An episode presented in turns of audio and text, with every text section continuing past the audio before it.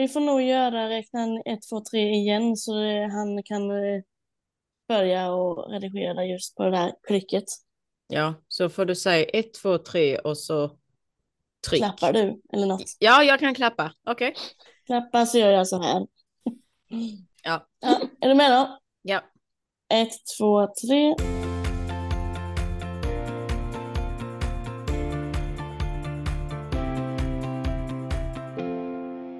Och välkomna till MPF Families podcast med Emma och Ulrika. Idag har vi med oss en gäst för första gången. Tekniken kanske inte fungerar men vi gör ett försök. Man är ju alltid nybörjare. Ja, Eh, men, så med, när, när det gäller tekniken så kommer vi alltid förbli nybörjare, känner jag. ja, precis. Det här kan vi inte bli bättre.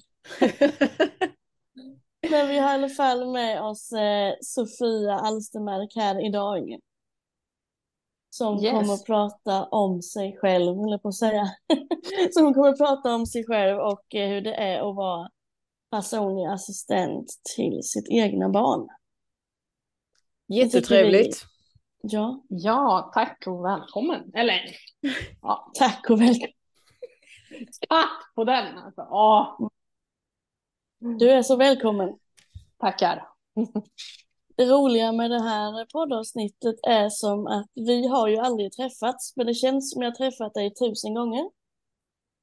Det Ja, har jag säger med detsamma. TikTok att göra, men det, det är en jättekonstig känsla. Men det känns som jag har träffat dig tusen gånger, men det har jag inte. Vi har inte träffat varandra.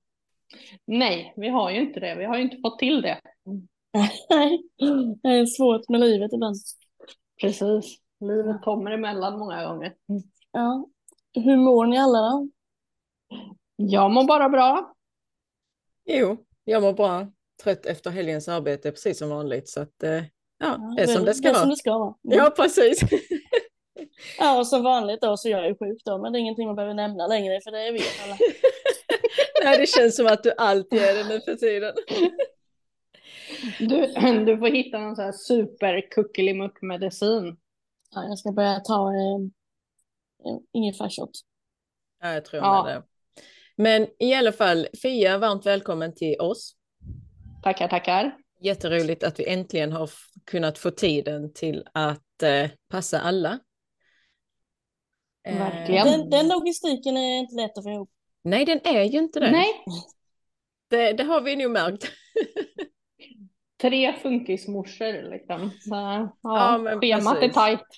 Ja, det är väldigt tajt. Det är, det är jättetråkigt, men som sagt jätteroligt att du är här. Eh, och vi har, här. ehm, vi har skrivit ner lite frågor som vi tänkte ställa till dig under eh, loppets gång.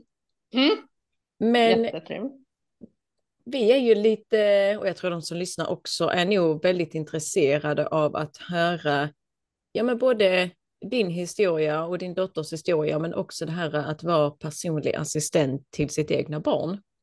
Mm. Yes, exakt. Det är en fråga man själv har funderat på själv många gånger. Om Ja, man ja. kan ta steget och vara personlig assistent till sitt egna barn. Ja, jag har ju fått den frågan många gånger varför jag inte är det. Mm. Eh, Så att jag tror det är rätt så mycket frågor som cirkulerar kring det här ämnet, men också missförstånd tror jag. Och, ja, missförstånden är nog enormt mycket Mm. större än vad, eh, hur ska man säga, än vad kunskapen är.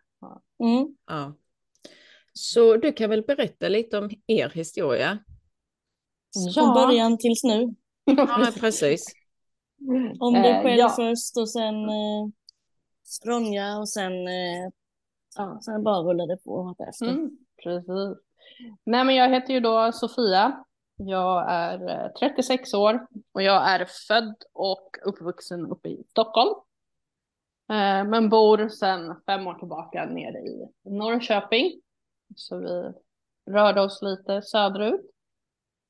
Eh, och innan jag började ju då jobba som personlig assistent till, till Ronja så har jag även jobbat mycket med hästar hästar och djur ligger mig väldigt varmt om hjärtat. Eh, Men jag har även jobbat som personlig assistent till två andra brukare. Eh, Och jag har även jobbat inom hunddagis och eh, second hand butiker. det är en liten blandad kompott innan jag slutligen slutade där jag är idag. Du har blandat in Ronja med djuren och haft det som djurterapi. Ronja gillar djur väldigt mycket. Hon hade behandlingsridning från habiliteringen några gånger när vi bodde uppe i eh, Stockholm. Mm. En gång i veckan fick hon åka och rida och träffa en liten shetlandsponny. Och jag hoppades ju att det fanns samma tillgång till det när vi sen flyttade hit ner till Norrköping. Men eh, tyvärr så erbjuder inte eh, Region Östergötland någon form av behandlingsridning. Utan det, det, det, är jättedåligt. Eh, utan de vill ju då att, det, att vi föräldrar ska liksom engagera oss i det och hitta det själv.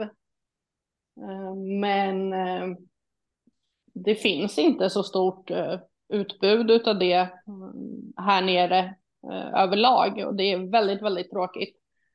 För att det finns ju studier på att liksom djur är väldigt lugnande för barn med just olika former av funktionsnedsättningar. Det behöver mm. inte bara vara barn med, med CP-skador som i Ronjas fall utan även barn med olika NPF-diagnoser och allting sånt. Så det är väldigt tråkigt. Eh, så jag hoppades ju att hon skulle få fortsätta rida, men eh, nej. Du får starta upp något. Ja, jag får göra det. Ska bara vinna på Lotto först. ja, det är det. Men Erika mm. kör ju också eh, djurterapi med Andrea och det är också framgångsrikt.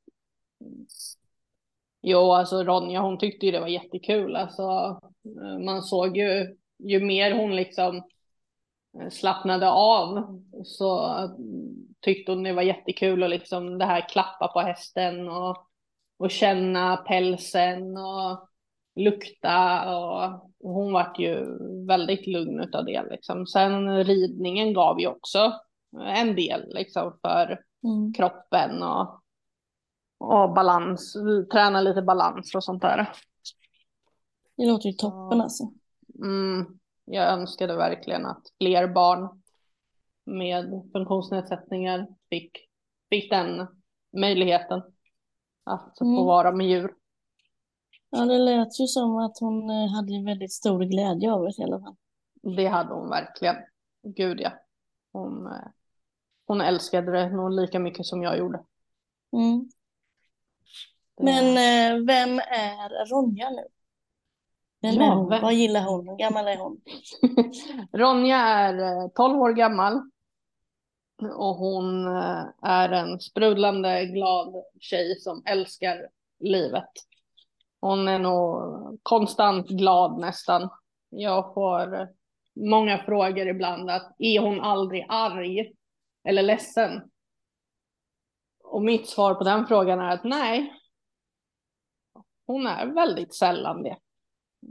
Självklart kan hon också bli arg och ledsen.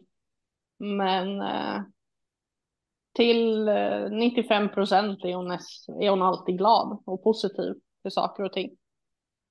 Det lät eh, underbart. Mm, verkligen. Hon är väldigt lätt att ha att göra med, liksom positiv till, till nya saker ibland, alltså testa nya saker. Hon, hon vill väldigt mycket, men eh, på grund av hennes grava CP-skada så vill ju inte kroppen alltid det hon vill. Eh, och då kan hon ju bli enormt frustrerad, eh, självklart. Mm. Mm. Och då måste ju vi som vuxna steppa upp och hjälpa henne att nå dit hon själv vill, så att säga. Ja, hon ser men... alltid väldigt glad ut. Ja, när man ser henne. jo, men hon gör ju det. Och hon eh, älskar ju att, att stå i centrum och vara med överallt. Liksom. Hon vill, syn, hon vill synas och höras. Det är rätt. Idag måste man ta plats i det här samhället. oh ja, absolut. Eh, men hon hade ju inte, hon hade ju ingen lätt start i livet. Hon är ju dels, för det första så är hon ju för tidigt född. Hon är född i vecka 30 plus 2. Eh, efter en kaosartad förlossning som eh, kunde ha slutat hur som helst. Eh, den kunde ha slutat i total katastrof. Så hon fick ju starta sitt liv på neonatalen då. När hon var en eller två dagar gammal uh, så upptäckte de att hon hade vattenskalle. Alltså ett för högt tryck upp i huvudet. Det samlades för mycket vätska. Hur upptäcker man det? Gör man det på en speciell undersökning? Uh, ja, oftast görs det ju ultraljud på hjärnan på för tidigt födda barn. Just för mm. att man ska eh, ja, kunna se eventuella avvikelser eh, på mm. hjärnan. Så de upptäckte ju den här vattenskallen på ett ultraljud. Mm. Eh, och det vart ju liksom, det vart ju första chocken eh, för både mig och eh, Ronjas pappa. Men i och med att jag själv är också född med vattenskalle så jag visste ju att det gick att åtgärda. Mm. Eh, så jag, jag såg ingen jätteoro i det så att säga. I och med att jag lever ju idag ett normalt liv trots att jag föddes eh, med vattenskalle. Mm. Har du inopererat en shunt då? Exakt, stämmer bra. Har Ronja också det, det? Det har Ronja också. Mm. Uh, så den, uh, den har ju funkat perfekt i alla år, både på mig och på henne. Så mm. det, det såg jag inte som något problem. Men sen kom ju den, uh, den stora chocken när hon var fyra veckor gammal. Eh, det var ju då de upptäckte hennes stora, eh, hennes stora hjärnskada. Eh, och det är ju en så kallad substansförlust på hjärnan, alltså att det är, det är hjärnvävnad som normalt sett ska finnas där, men som nu inte finns där. Mm. Så det är ju, ja, så det är olika delar eller ja, på hjärnan som inte finns så att säga. Och då, det enda de kunde säga där och då läkarna var att ni får vara beredda på att det här kommer bli en grav, en grav CP-skada. Mm. Hur tog uh, du det där och då? Jag vart eh, enormt eh, ledsen, chockad givetvis. Eh, och, och chocken var väl mest att man inte visste vad väntar henne, vad väntar oss som förälder. I och med att ovissheten var ju så stor. Eh, läkarna kunde ju inte säga vad kommer hon kunna eh, gå, kommer hon kunna prata, kommer hon kunna eh, ja, vara ett normalt barn. Det kunde de ju inte säga, utan det fick ju hela tiden utvecklingen, eller Ronjas utveckling, visa att okej, okay, det här kommer bli hennes svårigheter. Eh, så det var väl den största chocken. Liksom. Och sen få veta att jag har ett barn med en, en kraftig hjärnskada. Mm. Hade du någon erfarenhet av det tidigare? Nej, jag hade ju inte det. Uh, ingen i min omgivning, inga av mina vänner hade barn med funktionsnedsättningar, för jag var ju den första i, i kompisgänget som fick barn. Mm, uh, så jag hade ju inga erfarenheter alls av det. Så um, jag hade ju också tusen frågor. Men det var ju mm. ingen som kunde svara på mina frågor. För att... Eh, kände du någon annan som hade Nej. Som hade barn? Nej. Nej. gjorde jag inte. Så jag, både jag och Ronjas pappa vart ju enormt utlämnade. Ja, det blir man ju tyvärr. I, ja, ifrån vården. Det var liksom ingen som, som step, liksom kom och stöttade oss i det hela, utan det var bara okej. Okay, ni har ett barn med en hjärnskada. Uh, ha det bra, hej då. Alltså ungefär. Fick ni ingen information eller någonting? Nej, ingenting. Nej. Och jag liksom... Ja, det var ju dåligt. Mm, jättedåligt. För den dagen den här läkaren gjorde det här ultraljudet på hjärnan, eh, jag, då var jag helt själv på, på sjukhuset. Eh, hennes pappa var väl och jobbade tror jag, eller vad han gjorde. Jag frågar mig Mm. inte. Du var Eh, själv du också. Ja, precis. Jag, Jag, var jag, också jag, själv när jag fick reda på Liams hjärtfel. Det var hemskt. Jag vågar aldrig vara själv längre på grund av den anledningen. När vi åker till sjukhus. Nej, alltså det, det kom ju som en chock. För att hon, hon gick ju från att vara ett fullt friskt barn till att ha en grav CP-skada. Mm. Eh, och sen bara lämnade läkarna rummet och där satt jag. Ja, det är Mm. dåligt alltså. Ja, det är liksom inget så här samtalsstöd. Eh, Inte liksom någon första möte med någon neurologläkare. Ingenting. Nej, alltså det är ju en väldigt stor händelse i livet att man får ett barn som har grav CP-skada. Det ställer Ja, ju enorma krav på en förälder och eh, ja, att veta att det här barnet alltid kommer behöva helhjälp. Så att mm, man inte får någon form av hjälp, det, det är ju under all kritik.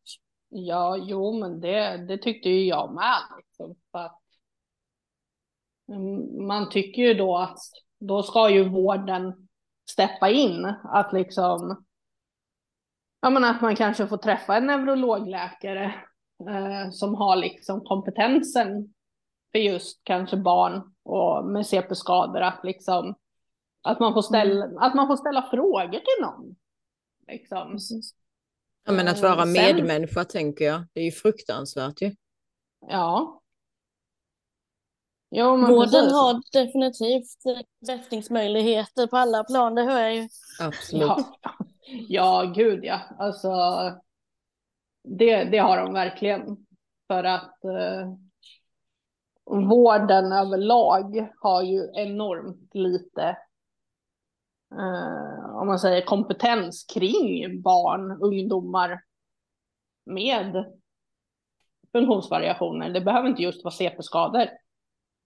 Det Utan- gäller alla kategorier. Mm, precis. Och framför allt liksom bemötandet tycker jag är helt katastrofalt. Ja, det har ju blivit våran hjärtefråga här med bemötande och dylikt. Alltså det är ju, nej, Mm. bemötande det är något som många behöver jobba mer på. Ja, gud ja, absolut. Det, Men det eh, har, vad, vad jag vet så har ju Ronja behövt genomgå massa operationer. mm, Vad har det varit och hur har det gått och hur har det känts att göra det helt själv? Ja, alltså jag har ju inte varit helt själv. Jag har varit helt själv de senaste sex åren då. Eh, på grund av att Ronjas pappa gick hastigt bort i cancer. Eh, 2017. Eh, men, eh, ja. Men hon har ju liksom, hon har genomgått totalt under sitt 12-åriga liv har hon genomgått sju operationer. Eh, Mm. och den första var hon bara, när hon genomgick sin första operation var hon bara sex månader gammal. Mm. Eh, och det var ju att sätta in shunten då, då för att Mm. hjälpa henne med vattenskallen. Och det är klart att det har varit tufft. Alltså, eh, det ska jag inte ja, understryka att det har varit jättetufft för att dels är det ju tufft operationer överlag, alltså att se sitt barn behöva opereras. Ja, det är hemskt att se sitt Ja. barn söva sig och sen bara gå därifrån. Mm, precis. Jag tycker sövningarna, de har aldrig blivit lättare. Alltså, Nej, det blir svårare med åren ju mer medvetna. Eller kanske våra barn inte är så medvetna. Eller jo, eh, Liam Ja. har blivit medvetna för han är ju livrädd. men eh, eh, det Jo, blir men- svårare och svårare för de blir ju äldre och äldre och starkare och starkare och mer vilja har de. mm, precis. Jo, det är ju samma sak med Ronja, liksom. Hon, eh, hon blir ju nervös bara man börjar packa eh, väskorna här hemma och liksom när man, man försöker ju förklara för henne ju äldre hon har blivit eh, vad hon ska genomgå. Eh, Mm. Men eh, hon blir ju lika orolig ändå. Liksom, och framförallt när hon kommer upp till avdelningen liksom, den dagen vi läggs in. Då blir hon ju jätteorolig. För att hon, Mm. hon märker att vi inte är hemma. Hon ligger inte i sin, säng, alltså i sin säng. Det doftar inte hemma. Ehm, rutinerna rubbas. Eh, Så hon, eh, hon, hatar, ju- hon hatar ju eh, operationer minst sagt lika mycket som jag. Ja, nej det är inget som någon tycker är roligt. Speciellt inte våra barn. Nej, oh nej. Absolut inte. Och, eh, men hon, har, hon måste ju genomgå operationerna så hur mycket man än vill att hon ska slippa så kan hon ju tyvärr inte göra det. Nej, precis. Vad har hon gjort för mer operationer? Var det ryggen och höften också? Ja, hon har ju, och sen har hon opererat in en knapp. Hon har ju en sån här gastrostomiport på magen, en knapp på magen som man säger det då. Och sen har hon genomgått fyra olika hö- höftoperationer. Eh, och sen eh, genomgick hon en stor eh, skolios eh, operation, alltså ryggoperation så sent som förra året. Att det Mm. måste varit tufft och särskilt eh, hur man ska ligga på rygg och rehabiliteringen efter det. Ja, alltså jag var jätterädd för den operationen.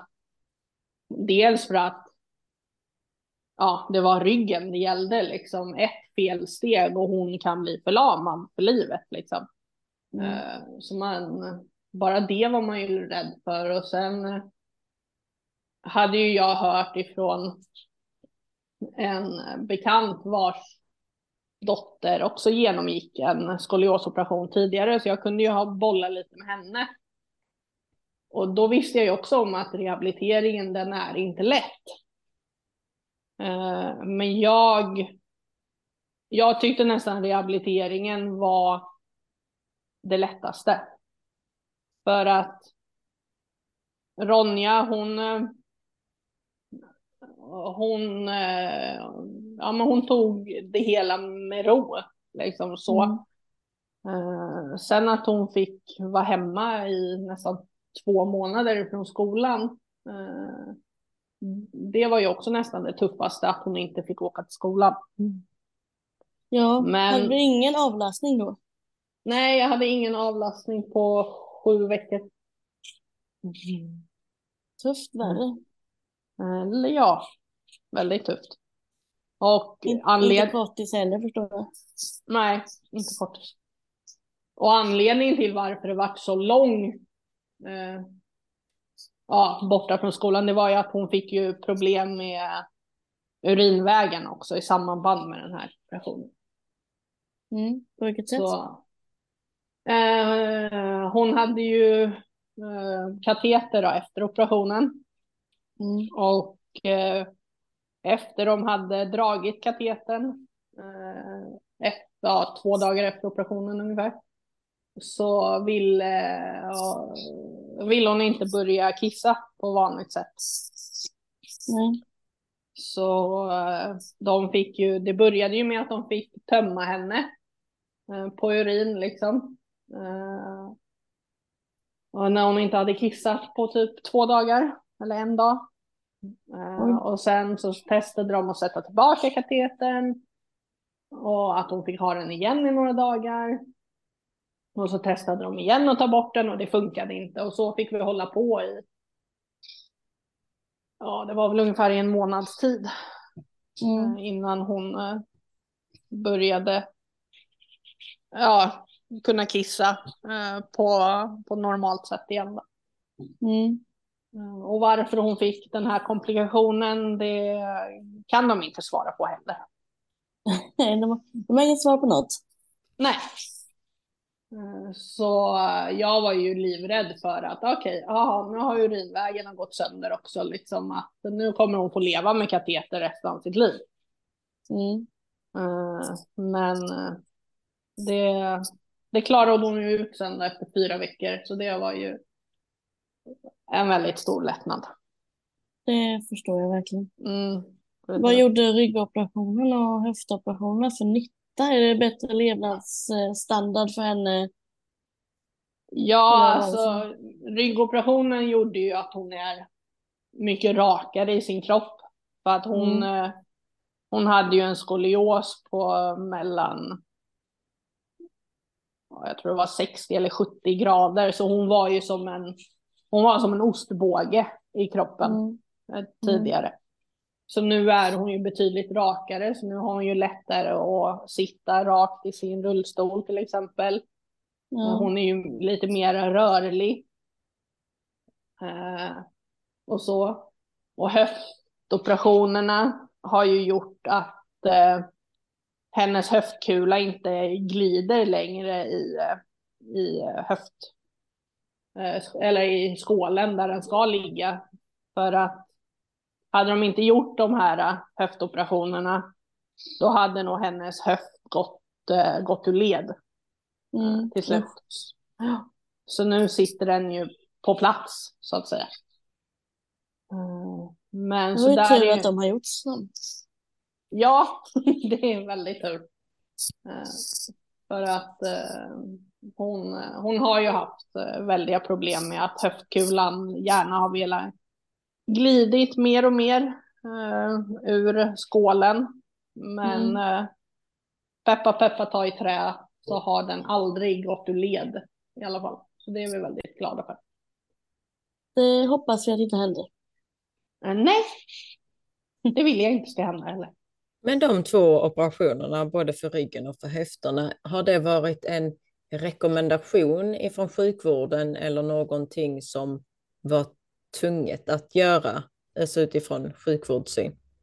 Eh, de ryggoperationen var tvungen att göras eh, på grund av att hade de inte opererat henne så hade ju dels ryggen blivit ännu snedare och då i sin tur kanske även gått på inre organ, alltså som lungor och sånt där, att hennes liksom andning, andningskapacitet blir sämre och hela den biten. Så att hon var liksom tvungen att göra den här operationen. Hur, alltså, hur mycket vi än kanske ville att den skulle slippas göra. Men eh, vi hade ingen val där helt enkelt. Eh, Skönt Och att sam- det är över nu i alla fall. ja, det tog nästan ett år innan Ronja kom tillbaka och var sig själv igen. Eh, så två Ja, det är ju verkligen eh, så jobbigt när de går tillbaka och inte Ja. är sig själva efter operationer och sjukhusbesök. Det är Mm. nästan den, den jobbigaste biten. Mm. Jo men det, det var det verkligen. Alltså för hon, eh, hon gick ju liksom, hon var inte sig själv, hon var inte lika glad, hon var inte lika kommunikativ. Eh, hon var väldigt avstängd, alltså i, hon var, ja, hon var väldigt avstängd, liksom. Eh, satt mycket i sin egna lilla värld. Man märkte att hon, hon var här men ändå inte här. Liksom. Så att, eh, och det har, det har ju sjukvården själv sagt att två stora sådana här, två stora operationer inom loppet av bara ett halvår är egentligen ingen rekommendation. Uh, Men de kunde inte svara på varför de inte lät hennes kropp vila längre tid. Uh, liksom för att ryggoperationen gjorde hon i mars förra året. Och nästan exakt på dagen, sex månader senare, ska hon genomgå en stor höftoperation. Liksom kroppen hinner ju inte läka däremellan. Utan det blir ju ett, liksom, ett trauma till ett annat trauma nästan direkt. Ja, fy fasen. Mm. Så ja, det är ju liksom nu på under sensommaren 2023 och fram till nu som vi verkligen har sett både skolan och jag har sett att nu är Ronja sig själv igen. Uh, nu är hon pigg och glad och skrattar och, uh, och är kommunikativ och, och allting sånt där. Så ja, nästan ett år tog det innan hon var helt återställd. Usch vilken lång process alltså, både för dig och för henne. Mm, ja, gud ja. Det, det, har ju det har inte varit kul, alltså, för det är så, ja. Det är så tråkigt att se sitt barn eh, försvinna eh, på ett sätt. Liksom. Från, gå ifrån att vara sprudlande glad till att vara nästan helt avstängd. Liksom. Ja, det vet ju både jag och Erika hur den känslan känns när mm. ens barn går in i sig själva och mår dåligt över det som har hänt i sjukvården. Eh, ja. Där har ju vi en stor gemensam faktor och vet ju precis hur det känns. Mm. Men eh, Fia, hur, hur känns det för dig Alltså prata om det som har hänt de här tolv åren. Hur har det påverkat dig som person? Alltså jag har ju mm, lärt mig eh, enormt mycket om mig själv. Att eh, jag, och liksom det här acceptansen att jag är nog inte så stark som, som jag tror. Mm. för att eh, det är tufft. Det är enormt tufft. Och liksom ha ett barn överlag med, eh, med en funktionsvariation. Och sen det här att man blir så utlämnad. Att man får, jag som förälder, får ingen backning ifrån, ifrån sjukvården. Eh, så att eh, jag har ju liksom, ja, jag har ju haft det enormt tufft liksom psykiskt och liksom den här eh, sorgeprocessen eh, som många pratar om. Eh, den har jag nog knappt börjat med och då är Ronja 12 år idag. Nej, man måste hinna bearbeta saker och ting och jag är så enormt imponerad. Ensamstående med en tjej med, som sitter i rullstol och behöver heltidshjälp. Jag tror du är starkare än vad du tror Fia. Ja, verkligen. Alltså ja. verkligen. Jag, eh... Jo, alltså, jo, jag har ju liksom, man har ju fått, man har ju fått lära sig enormt mycket om sig själv också. Eh, absolut. Men eh, det är liksom, man har ju fortfarande frågor. Mm. Eh, om liksom typ, inte varför det vart så här, för det vet jag redan. Alltså varför Ronja fick, sina, sin, fick sin hjärnskada, den, den frågan har jag fått svar på. Men just den här sorgebearbetningen, den är ju, alltså, den är ju väldigt tuff. Ja, den kommer ju i perioder tycker jag. Ja. Alltså oavsett vad man Absolut. gör, oftast på sommarperioden. Mm. Eh, men en sak som jag funderar på, som jag vet jag har nämnt till dig tidigare, ibland önskar jag att eh, Liam också satt i rullstol. Så man slapp ja. det här med punktmarkering, eh, att springa efter dem, ha konstant tillsyn. Mm.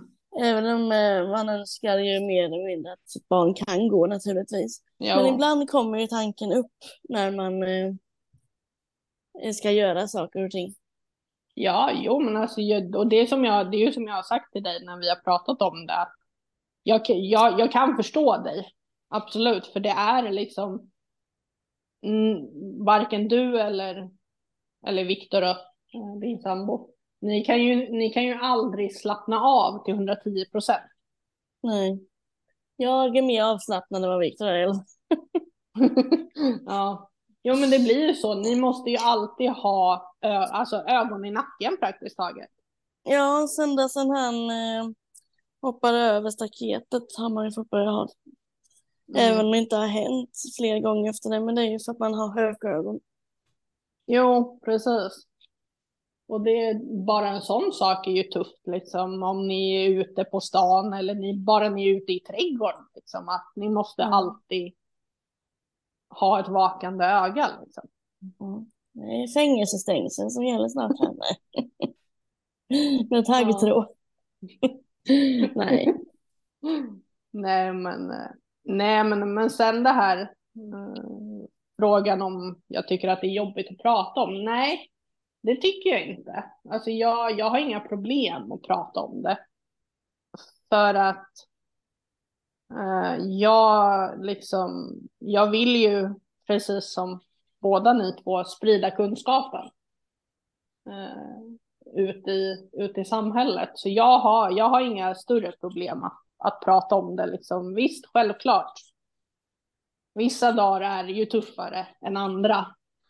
Eh, men överlag så har jag inga problem att prata med det, eller om det. Du skulle behöva göra en sån här eh, anhörighetsguide till eh, föräldrar som får en, ett barn med hjärnskada eller CP-skada och dylikt. Mm. Eftersom bemötandet och informationen ja. är knapphändig. Oh ja, det, det är den ju verkligen.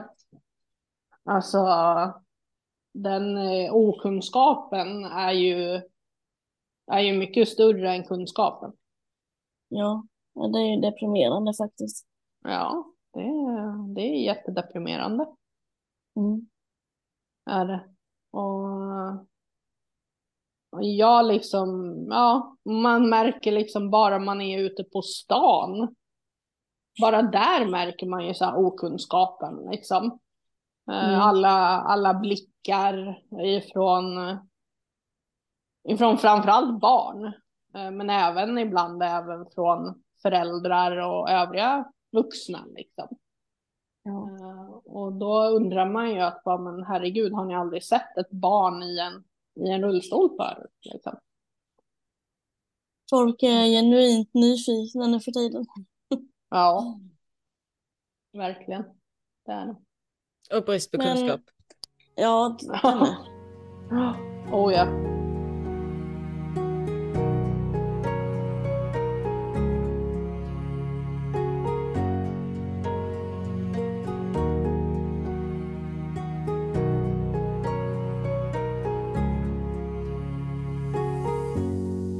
Men hur var det för eh, dig och Ronja att Eh, bli av med hennes pappa i cancer? Har det påverkat Ronja på något sätt? Har hon märkt av att han är borta? Oh, svår fråga. Den frågan ställer jag mig nästan dagligen ibland. Um,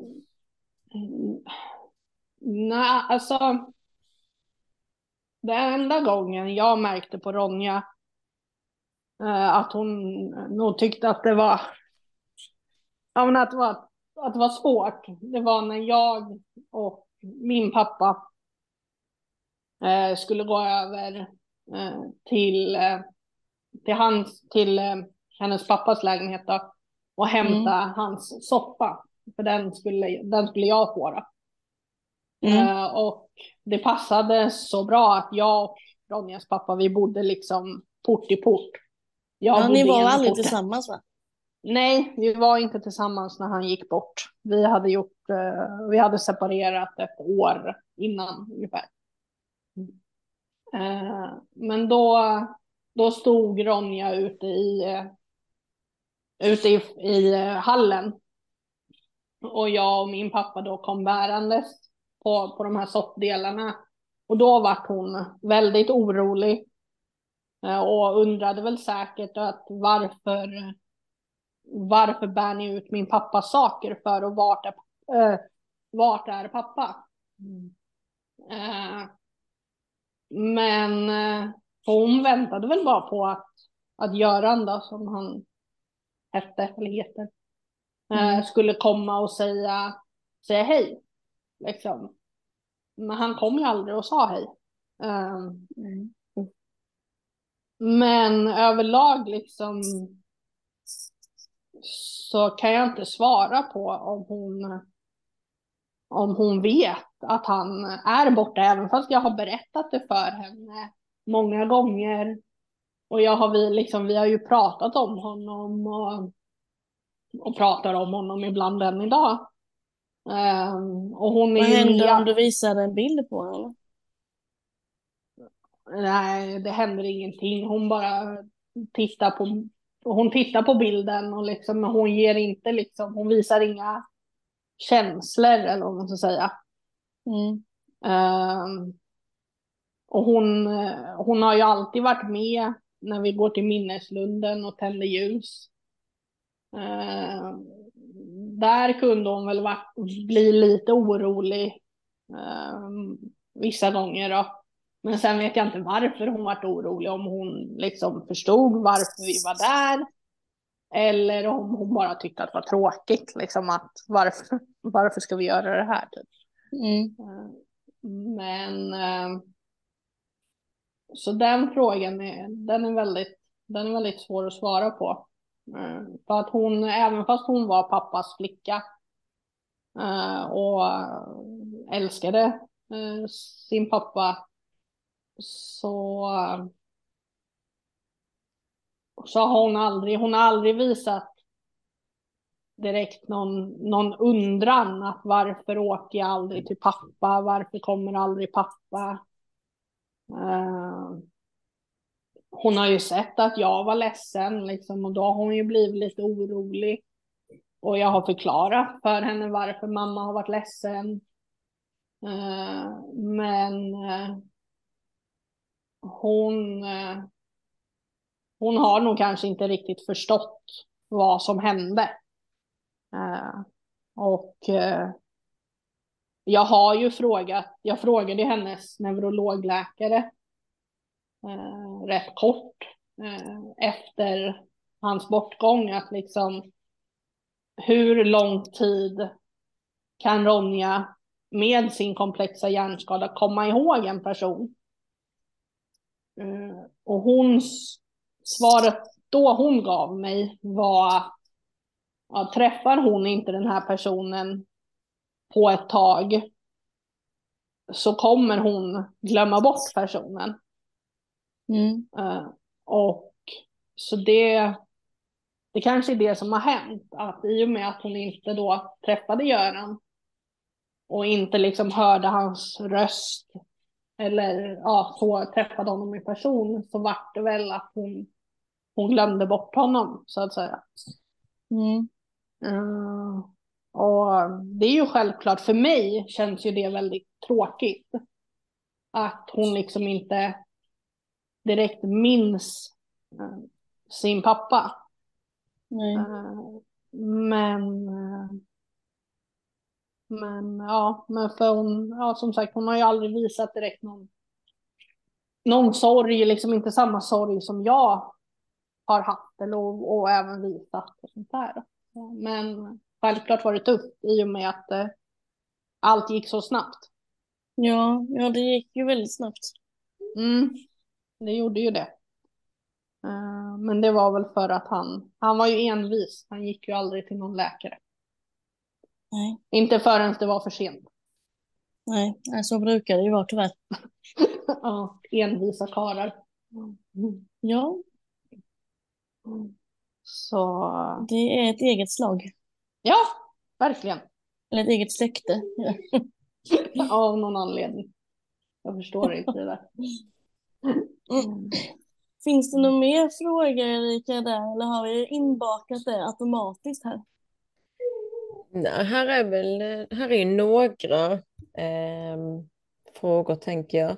Och det är ju hur det känns att vara personlig assistent till sitt egna barn. Och sen lite det här, eh, vad kan man säga, ja men det som vi pratade lite om i början, alltså missförstånden som oftast kommer upp eh, att vara personlig assistent till sitt egna barn eh, och mycket diskussionen om eh, vad krävs för att bli assistent till sitt mm. egna barn utifrån eh, myndighetsperspektiv. Mm. Ta början till slut. Alltså, jag menar, alltså, vad, vad drev dig till att bli personlig assistent? assistent. personlig assistent och hur många år har det varit? Det var ett svårt beslut. Mm. jag, har ju, jag har ju varit eh, Ronjas assistent sedan 2019, våren där, 2019. I fyra år snart då. Ja, precis. Nej, fem år blir det nästa år. Mm. Det är jag som inte kan matte vet du. Nej, det är ingen fara. Eh, nej, men eh, och det var ju då vi fick eh, Ronjas eh, assistansbeslut beviljat. Efter en lång eh, ansökningsprocess som, som började redan när vi eh, bodde uppe i Stockholm. Då. Eh, men sen fick ju Norrköpings kommun ta över den här ansökan. Mm. Mm. Så efter mycket om och men så fick vi ju assistansen beviljad. Eh, vilket var skönt efter två avslag från Försäkringskassan. Ja, alltså det är alltså, eviga Försäkringskassan. Kasan. ja, försäkringskassan, usch. Ja. ja. Man får kämpa, man får ju vara glad att man får assistans överhuvudtaget idag. Ja, ja i, alla, i alla fall ifrån Försäkringskassan. Försäkringskassan är ju... Ja, de är skamliga, alltså ja. överlag. Liksom. Jag har varit eh, personlig assistent två gånger och en av de gångerna var att den blev av med sin assistans mitt i, i det. Mm. Jo, men det är jättetråkigt man... för jag trivdes ja. så bra med det.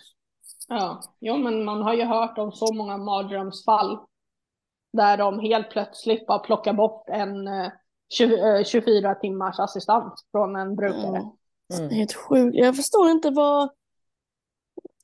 För vems skull och varför? Är det makt eller vad Ekonomi. är det som gör?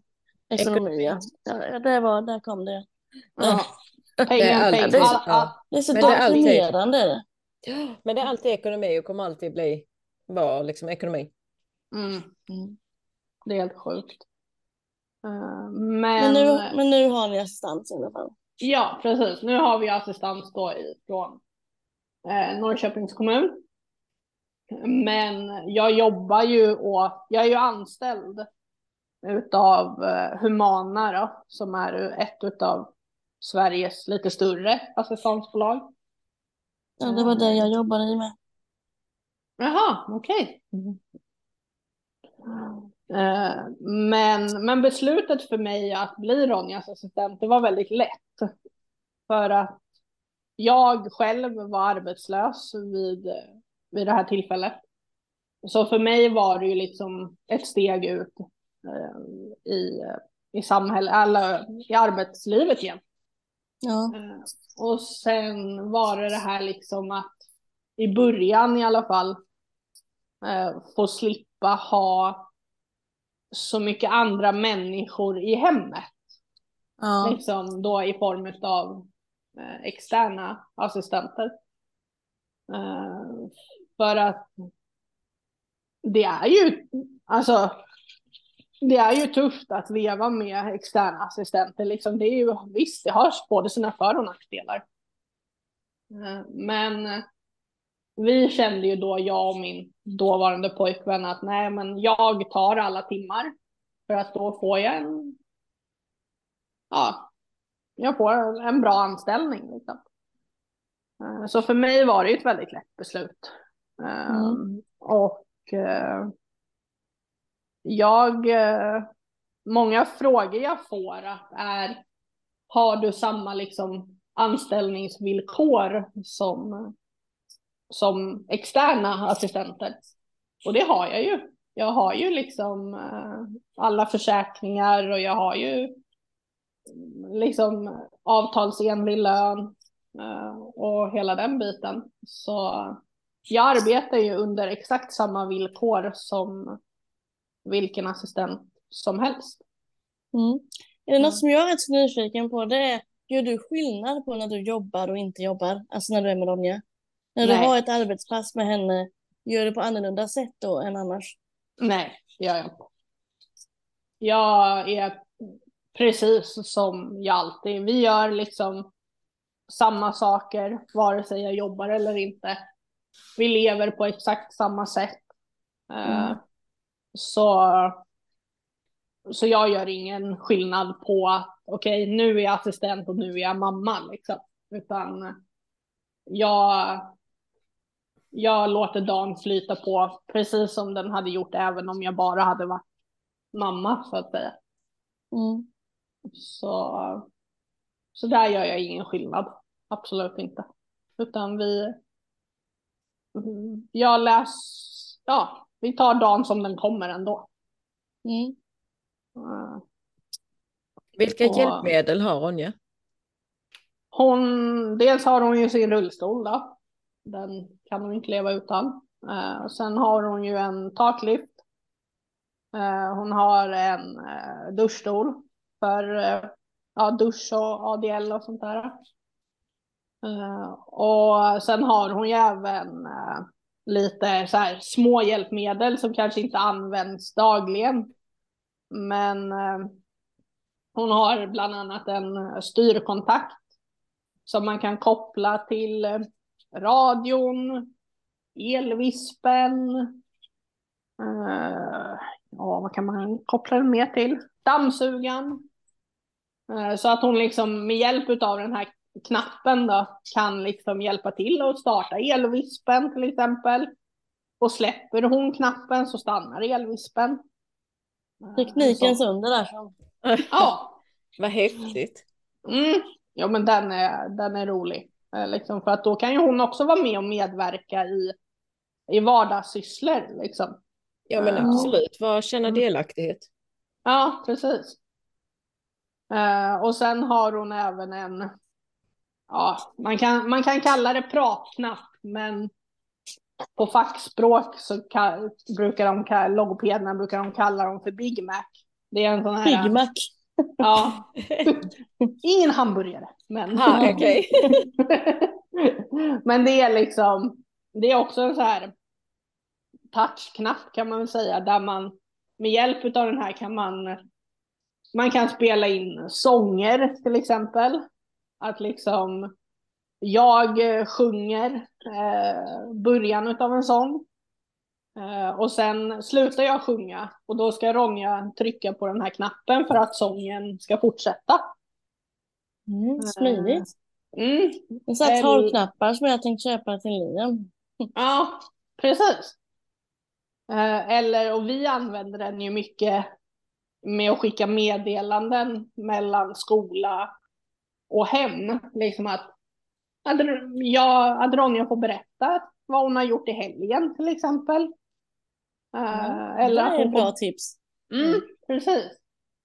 Uh, eller att hon får berätta vad hon gjorde efter skolan. Om hon gjorde något roligt, liksom som hon vill berätta för sina kompisar. Uh, så de, de används ju ganska mycket. och i skolan använder hon den mycket för att liksom kanske berätta om hon vill ha mera mat, till exempel vid lunchsituationen. Mm. Så får hon liksom trycka, trycka på den. Oj. Så den, den används, den är ett väldigt bra hjälpmedel. Det var smart. Mm, verkligen. Ja. Tänk så mycket hjälpmedel det finns. Ja, oh ja. Som underlättar för både för, ja, men för din dotter men även för, för dig, för skolan.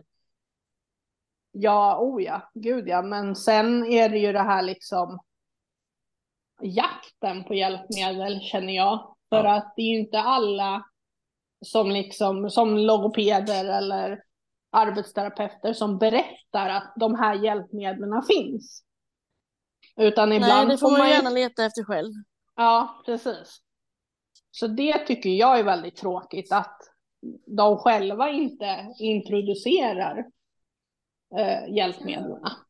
Aldrig. Nej. nästintill. Det, det är liksom, det är som en djungel och man får leta reda på, mm. på det man själv behöver. Eh, och det har vi pratat med många föräldrar, vi berättade för föräldrar hela tiden att säg till att, alltså vad ni behöver.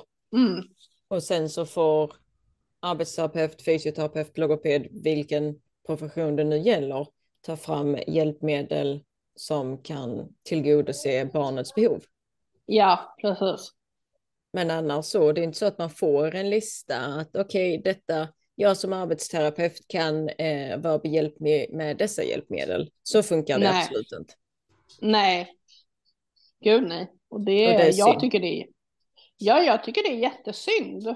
För att det blir så mycket mer jobb för oss som föräldrar. Eh, mm. Att liksom vi ska sitta och liksom antingen leta på, in, på nätet eller att vi uh, ser någonting ute i sociala medier liksom. Mm. Och sen ta med det till, ja om det är arbetsterapeut eller logoped, liksom bara, men det här skulle nog passa mitt barn. Mm. Uh, finns det, går det att förskriva liksom? Och det tråkigaste är med nu att nu förskriver ju i alla fall vår kommun Eh, de förskriver knappt någonting längre. Nej, här det är samma sak här uppe. Alltså, mm.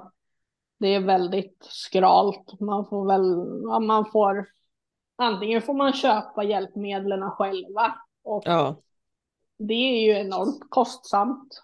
Uh, för det är ju inte gratis. Uh, Nej, de det är det verkligen inte. Nej, alltså det kostar ju betydligt mycket mer än en vanlig leksak från en leksaksaffär eller ja, ja. så. Det är ju tusenlappar vi pratar om. Mm. Ja, jag tror att Liams hjälpmedelsvagn kostar 30 000. Ja, alltså jag vet ju bara vad vi har lagt på bilbarnstolar till Ronja. Ja, gud ja. Alltså, det måste vara dyrt. Ja, alltså. För när hon var så stor att hon inte kunde sitta i en sån här vanlig bilbarnstol ifrån en vanlig eh, firma. Eh, mm. Då var det ju liksom det här, okej, okay, eh, vad ska hon ha nu? Och ja, jag minns, jag frågade liksom fysioterapeuterna, eller flera gånger liksom bara, men har ni något råd? Har ni något tips? Mm. Och de sa nej flera gånger.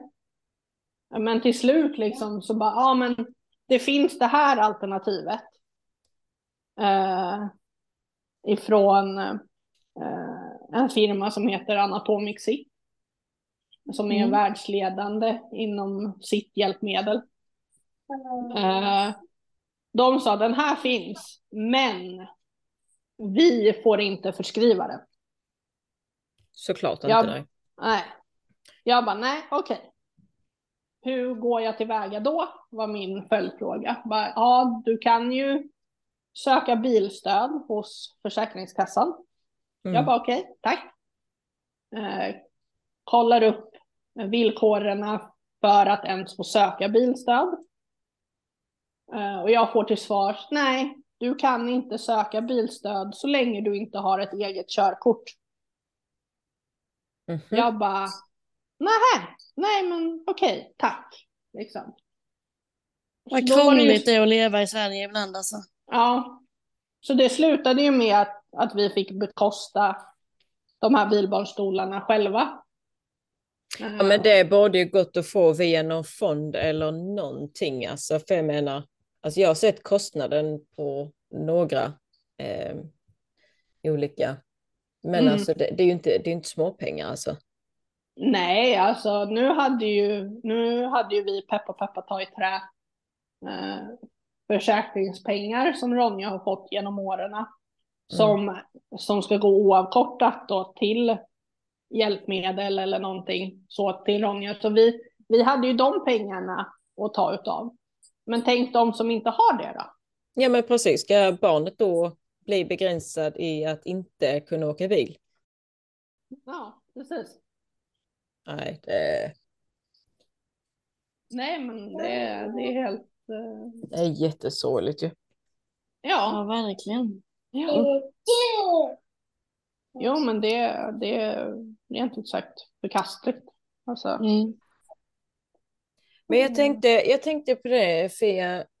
Vi har en sista fråga här, eller fråga, fråga är det egentligen inte, men har du något, något eller några tips till andra föräldrar som antingen är personliga assistenter till sitt barn eller funderar på att bli eh, personlig assistent till sitt barn, eller generellt till en förälder som har ett barn med en grövre funktionsvariation? Jag tänker även på när, man för, när ett barn föds med eh, mm.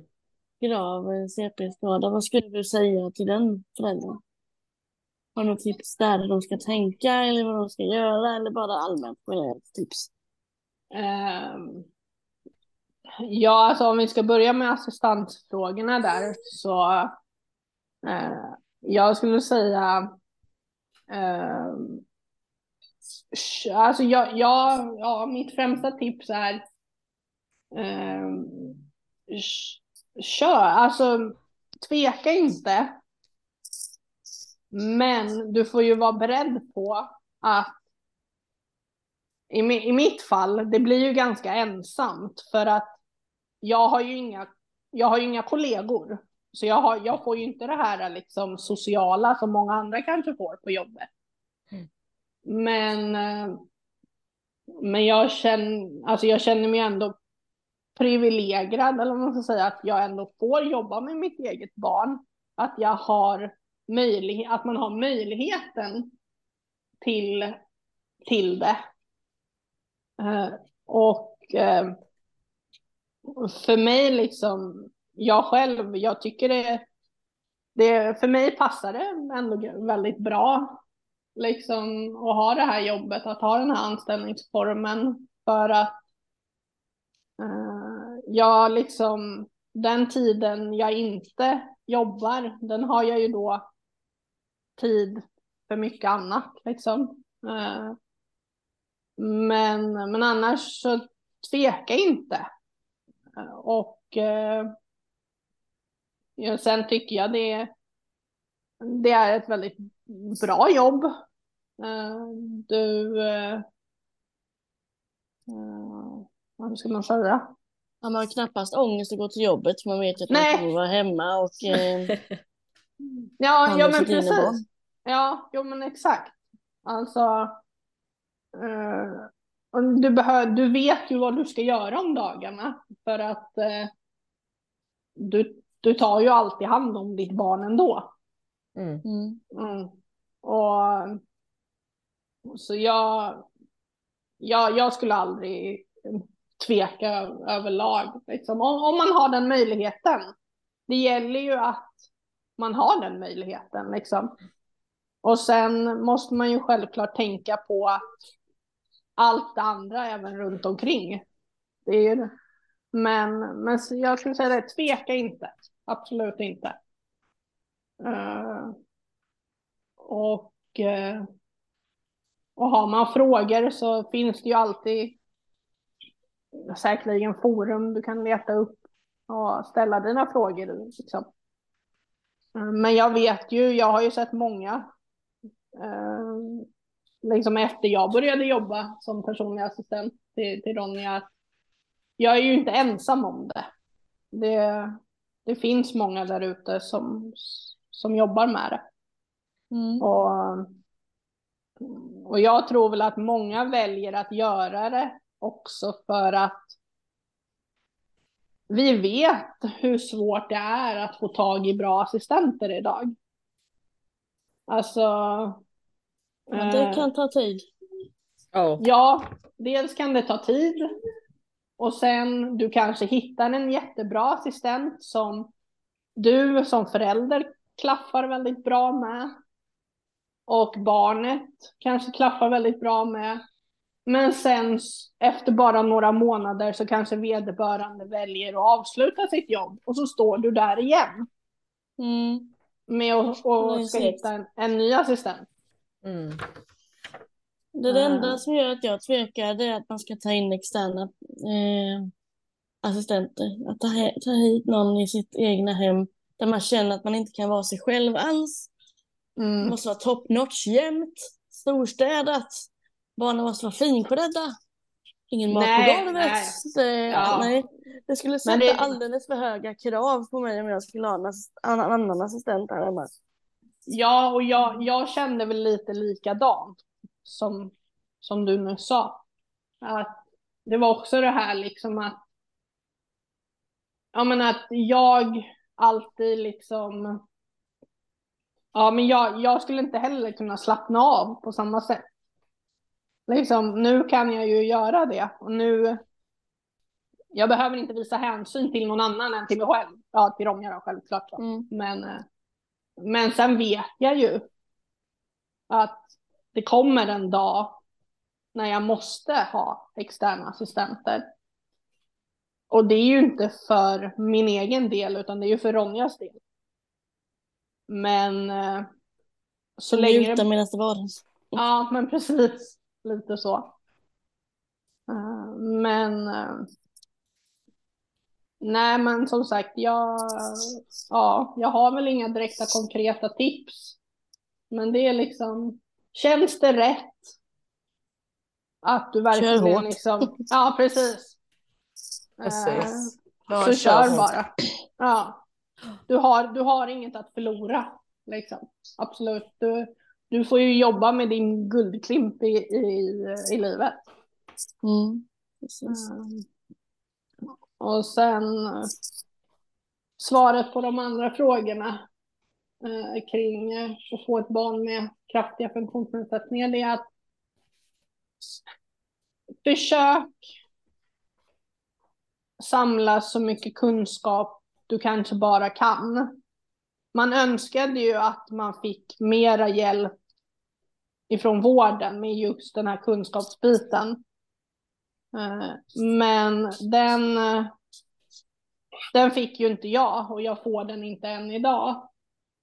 Eh, utan jag har ju fått i, i Ronjas fall så vart det ju mycket det här att man, man fick se vad, vad som hände ju äldre hon vart.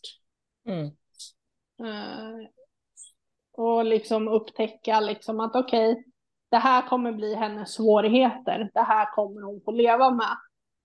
Uh, och det här kanske vi kan träna upp. Men men sen liksom mycket annat har man ju, ja, man har fått gissa sig till, man har fått söka information på nätet.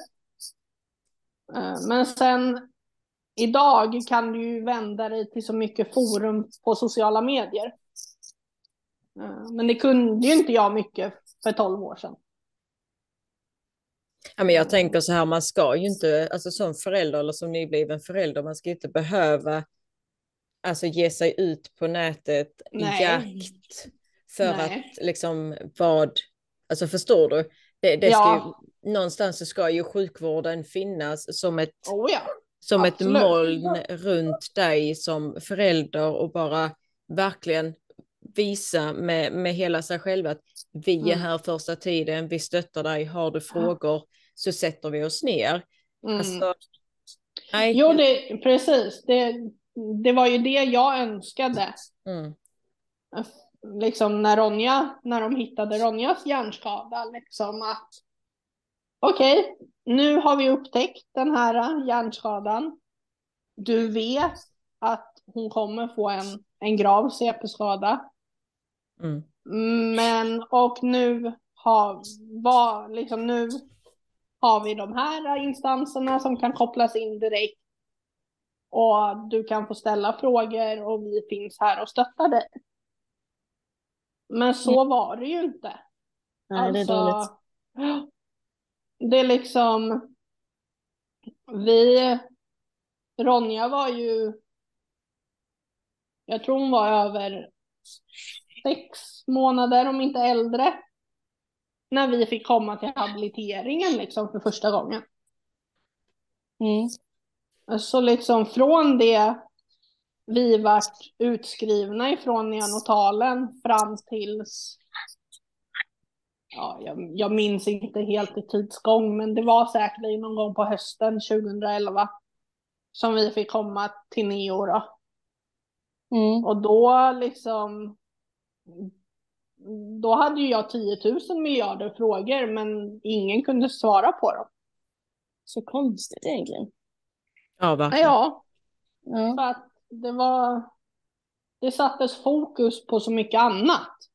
Man bara, men kan ni inte bara släppa det för stunden, liksom att det kan vi ta sen. Mm. Men nej. Så det är liksom, jag kände mig ju enormt utlämnad. Alltså. Eh, så. Ja.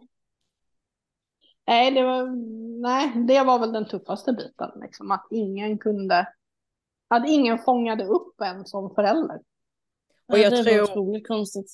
Jag tror det är många föräldrar som känner igen sig i just den meningen där när det kommer till alltså vilken funktionsvariation som helst. Mm. När det just, när man känner att okej, okay, vi har fått detta på papper, men en annan förälder, vi blir, alltså, vi blir inte sedda, vi blir inte hörda. Det är att okej, okay, här har du pappret, varsågod, ha det bra. Mm. Vi, vi blir liksom inte uppfångade och bara Nej. så, nu, nu håller vi dig här.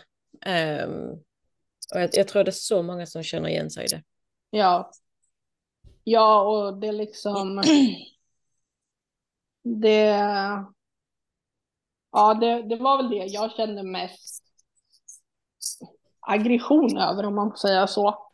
Mm. Att, att, ingen, att ingen direkt såg mig som förälder.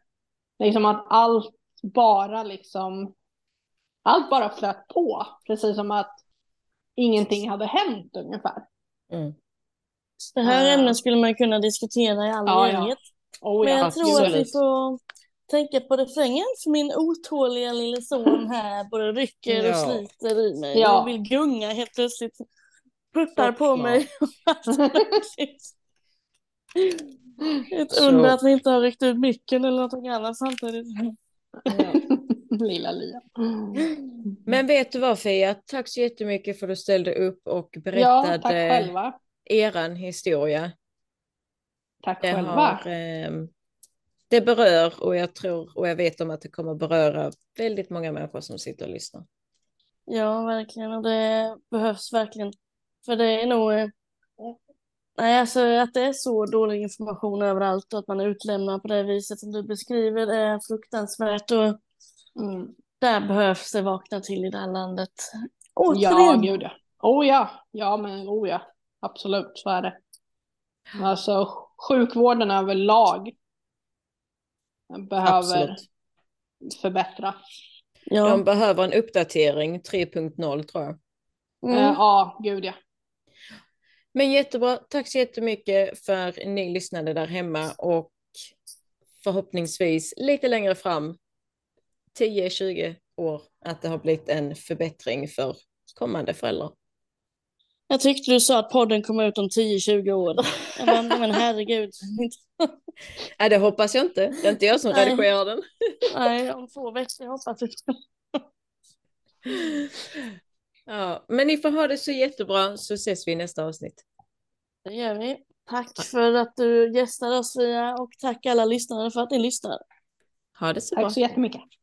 Hej hej.